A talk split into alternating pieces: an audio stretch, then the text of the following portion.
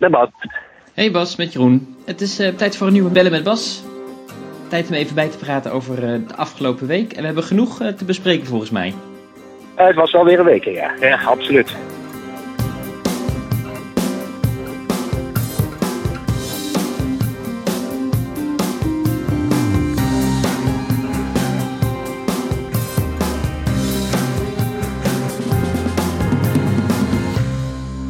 Waar ben je vandaag? Ik ben nu in uh, Den Haag en uh, ga zo op weg naar uh, Groningen. Dus een tour van Nederland hou ik. We gaan Nederland door. Ja, je was vandaag in Den Haag om opnames te maken voor een video over de, de treinpetitie die jij samen met Suzanne Kreuger, Tweede Kamerlid, gelanceerd hebt. Ja, klopt. Dat hebben we deze week. Hè. Dat is toch, eigenlijk weten we dat allemaal treinen is veel duurder dan vliegen. Uh, en dat is eigenlijk natuurlijk absurd, zeker uh, voor de korte afstanden. Maar ja, daar zitten gewoon politieke keuzes achter. En uh, ja, we hebben een petitie gestart die eigenlijk oproept om treinen goedkoper te maken. En ja, dat, dat we voor vliegen gewoon een eerlijke prijs gaan betalen. En een succes volgens mij echt in twee of drie dagen. Bijna 20.000 handtekeningen. Dus een, een, je zou kunnen concluderen dat het leeft. Um, ja, zeker. En um, nog even inhoudelijk daarover. Hè? Ik bedoel, um, kan, kan Europa daar nou iets aan doen om uh, treinen aantrekkelijker en goedkoper en beter te maken dan, uh, dan vliegen? Ja, tuurlijk. Uh, dat zijn gewoon keuzes. Ten eerste hebben we er tot nu toe voor gekozen dat, dat eigenlijk vliegen nog amper voor zijn CO2-vervuiling moet betalen. We hebben nu een heel klein stukje dat valt onder het emissiehandelssysteem. Maar dan krijgen ze nog veel van die rechten gratis. Dus nou ja, dat stelt gewoon heel weinig voor. Dus um, ja, vliegen moet gewoon uh, een eerlijke prijs gaan betalen voor de CO2-vervuiling. En die opbrengsten kun je natuurlijk gaan stoppen in grensoverschrijdend treinverkeer. Waar we eigenlijk als Europa nog hopeloos op achter lopen. Yes. En de, petitie die, eh, die, die loopt en iedereen die nog kan tekenen, die kan natuurlijk gewoon terecht op groen.li slash treinen. En daar je naam achterlaten. Dat is belangrijk om nog even te zeggen als we het over een petitie hebben natuurlijk. Um, dan gaan we nu even terug naar dinsdag. Dinsdagnacht, of de nacht van, uh, uh, van dinsdag op woensdag. Toen heb je tot twee uur s'nachts um, in het Europees Parlement zitten onderhandelen over CO2-normen voor vrachtwagens. Ja, ja, ja het, was, het was maandagnacht, dus dan maandag op dinsdag. Maar uh, ik ben zelf soms ook wel eens helemaal de, de, de week kwijt hoor. Maar uh, ja, tot diep in de nacht, klopt. Uh, we zijn er al een tijdje mee bezig. Ik onderhandel namens het Europees Parlement. En nou ja, wij wilden natuurlijk gewoon ambitieuzere doelstellingen. Ervoor zorgen dat er, dat er ook echt in geïnvesteerd wordt in. Ja, want er zijn, er zijn nog helemaal geen doelstellingen, geloof ik nu. Hè? Dat klinkt echt heel raar, maar er zijn nog geen CO2-normen voor de uitstoot van vrachtwagens. Nee, we hebben het wel voor auto's. We hebben het tot nu toe niet voor vrachtwagens. Dus dat, uh, ja, dat, dat, dat was altijd met het mantra dat de markt dat natuurlijk altijd zelf doet. Want een zuinige vrachtwagen is in ieders belang. Ja, dit is weer zo'n voorbeeld waarin de markt dat helemaal niet levert. Dus dat we weten dat er veel zuinigere vrachtwagens gemaakt kunnen worden. Nou ja, dat die dus niet geleverd worden. Ja, dan ga je beleid maken en dan krijg je een gigantische strijd over uh, hoe ambitieus dat moet worden nou, het parlement, uh, ik als hoofdonderhandelaar, dus we hadden een goed ambitieus voorstel uh, voor elkaar gekregen. Ja, veel lidstaten op de rem, hè. denk Duitsland, Italië, Polen, veel landen op de rem. Dus die onderhandelingen, ja, was eigenlijk op het laatste moment nog veel heen en weer gebeld, met name tussen Madrid, Rome en Berlijn. Oké, okay, maar uiteindelijk is er dus wel een deal uitgekomen.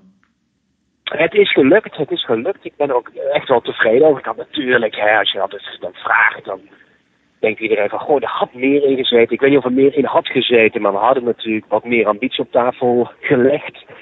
Maar ik denk dat als je nu gaat kijken dat uh, eigenlijk drie jaar geleden uh, nog niemand sprak over beleid voor, uh, voor vrachtwagens. En dat we dat nu Europees geregeld hebben.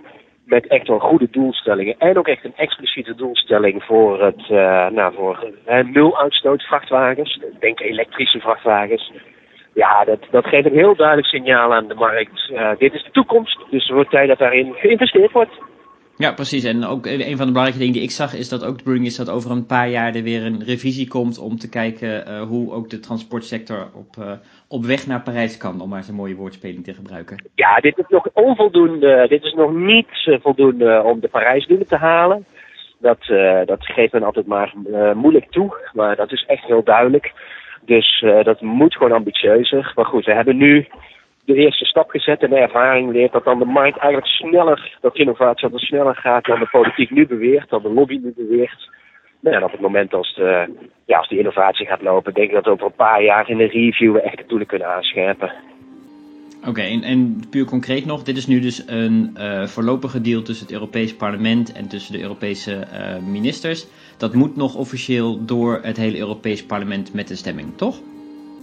Ja, vandaag hebben de ambassadeurs uh, hun akkoord gegeven. Dus in die zin, formeel kun je zeggen dat de lidstaten ermee eens zijn. ja, nu is het aan het parlement. Dus dat gaat dan eerst naar de Milieucommissie. Dat is volgende week. En dan daarna gaat het nog naar het plenaire. En dan uh, kunnen we echt officieel de, de wet vieren.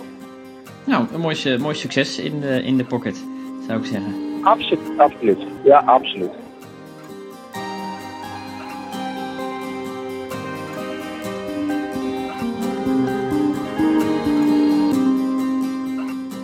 Oké, nou dan even nog weer terug naar uh, donderdag. Want er was in uh, Brussel weer een uh, klimaatstaking. En deze keer zelfs met de, de, de Zweedse Greta Thunberg. Toch eigenlijk een beetje de, ja. de aanstichter van, de, van de, de klimaatstakingen. En jij was er ook bij. Ja. Wat vond je van de sfeer daar tussen de scholieren en studenten? Ja, dat mag je natuurlijk allemaal niet meer zeggen tegenwoordig. Maar de sfeer is gewoon heel goed. En, en je hebt natuurlijk een aantal van die scholieren gesproken. Nou, en die weten echt heus wel waarom ze dit doen en wat ze verwachten. En uh, ja, ze maken gewoon ook heel duidelijk, het is nu de politiek is aan zet. En wat ik vooral goed is, dat ze, ja, dat ze zich niet in het bos laten sturen met hè, alle politici die zeggen nu natuurlijk dat ze klimaat heel belangrijk vinden. Dat is echt hartverwarmend.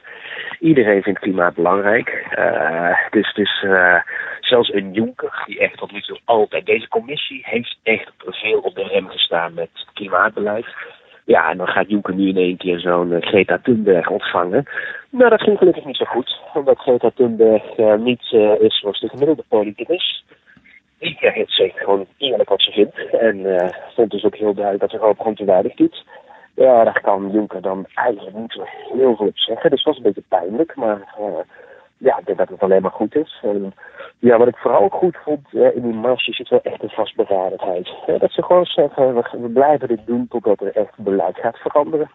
En zolang dat niet gebeurt, gaan wij niet wijken. Nou ja, die, die, die motivatie, die vastberadenheid is echt prachtig om te zien. Ja, het was inderdaad de zevende keer dat er in Brussel nu op, uh, op donderdag een klimaatstaking was. Um, op de agenda hebben we natuurlijk 10 maart onze grote demonstratie in, in Nederland staan. Ja, Amsterdam, ja, klopt.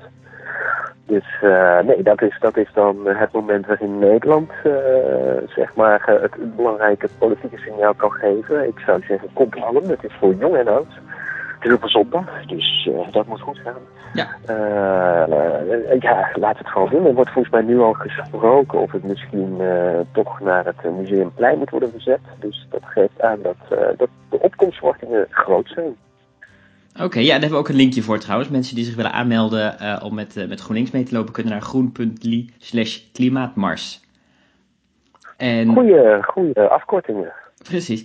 En dan uh, op 15 maart is er een soort wereldwijde klimaatstaking zelfs al aangekondigd. Daarvan is nog niet helemaal duidelijk ja. hoe dat precies gaat zijn. Of dat een staking is van iedereen of echt alleen van scholieren. Ja, is een beetje onduidelijk. Het is inderdaad aangekondigd als de grote klimaatdag, 15 maart, vrijdag. Uh, ik denk aanvankelijk echt een beetje bedoeld als scholieren bij elkaar. Maar je hoort steeds meer partijen die zeggen we gaan meedoen. Dus uh, dit kan wel eens een hele grote klimaatactie worden. Misschien niet zozeer in Nederland, omdat Nederland dan al 10 maart, de zondag al een grote actie houdt. Maar uh, verwacht dan 15 maart echt uh, in heel veel landen echt, echt grote optochten. En uh, ja, dat, dat kan niet vaak genoeg gebeuren, want dat, dat zorgt eigenlijk voor uh, de verplichting dat politici toch eens een keer hier uh, ja, echt, echt iets meer gaan doen dan praten over klimaat. Ja, het staat op de agenda, dat kunnen we zeker wel, kunnen we zeker wel stellen. Wederom, de, het leeft, ja. ja.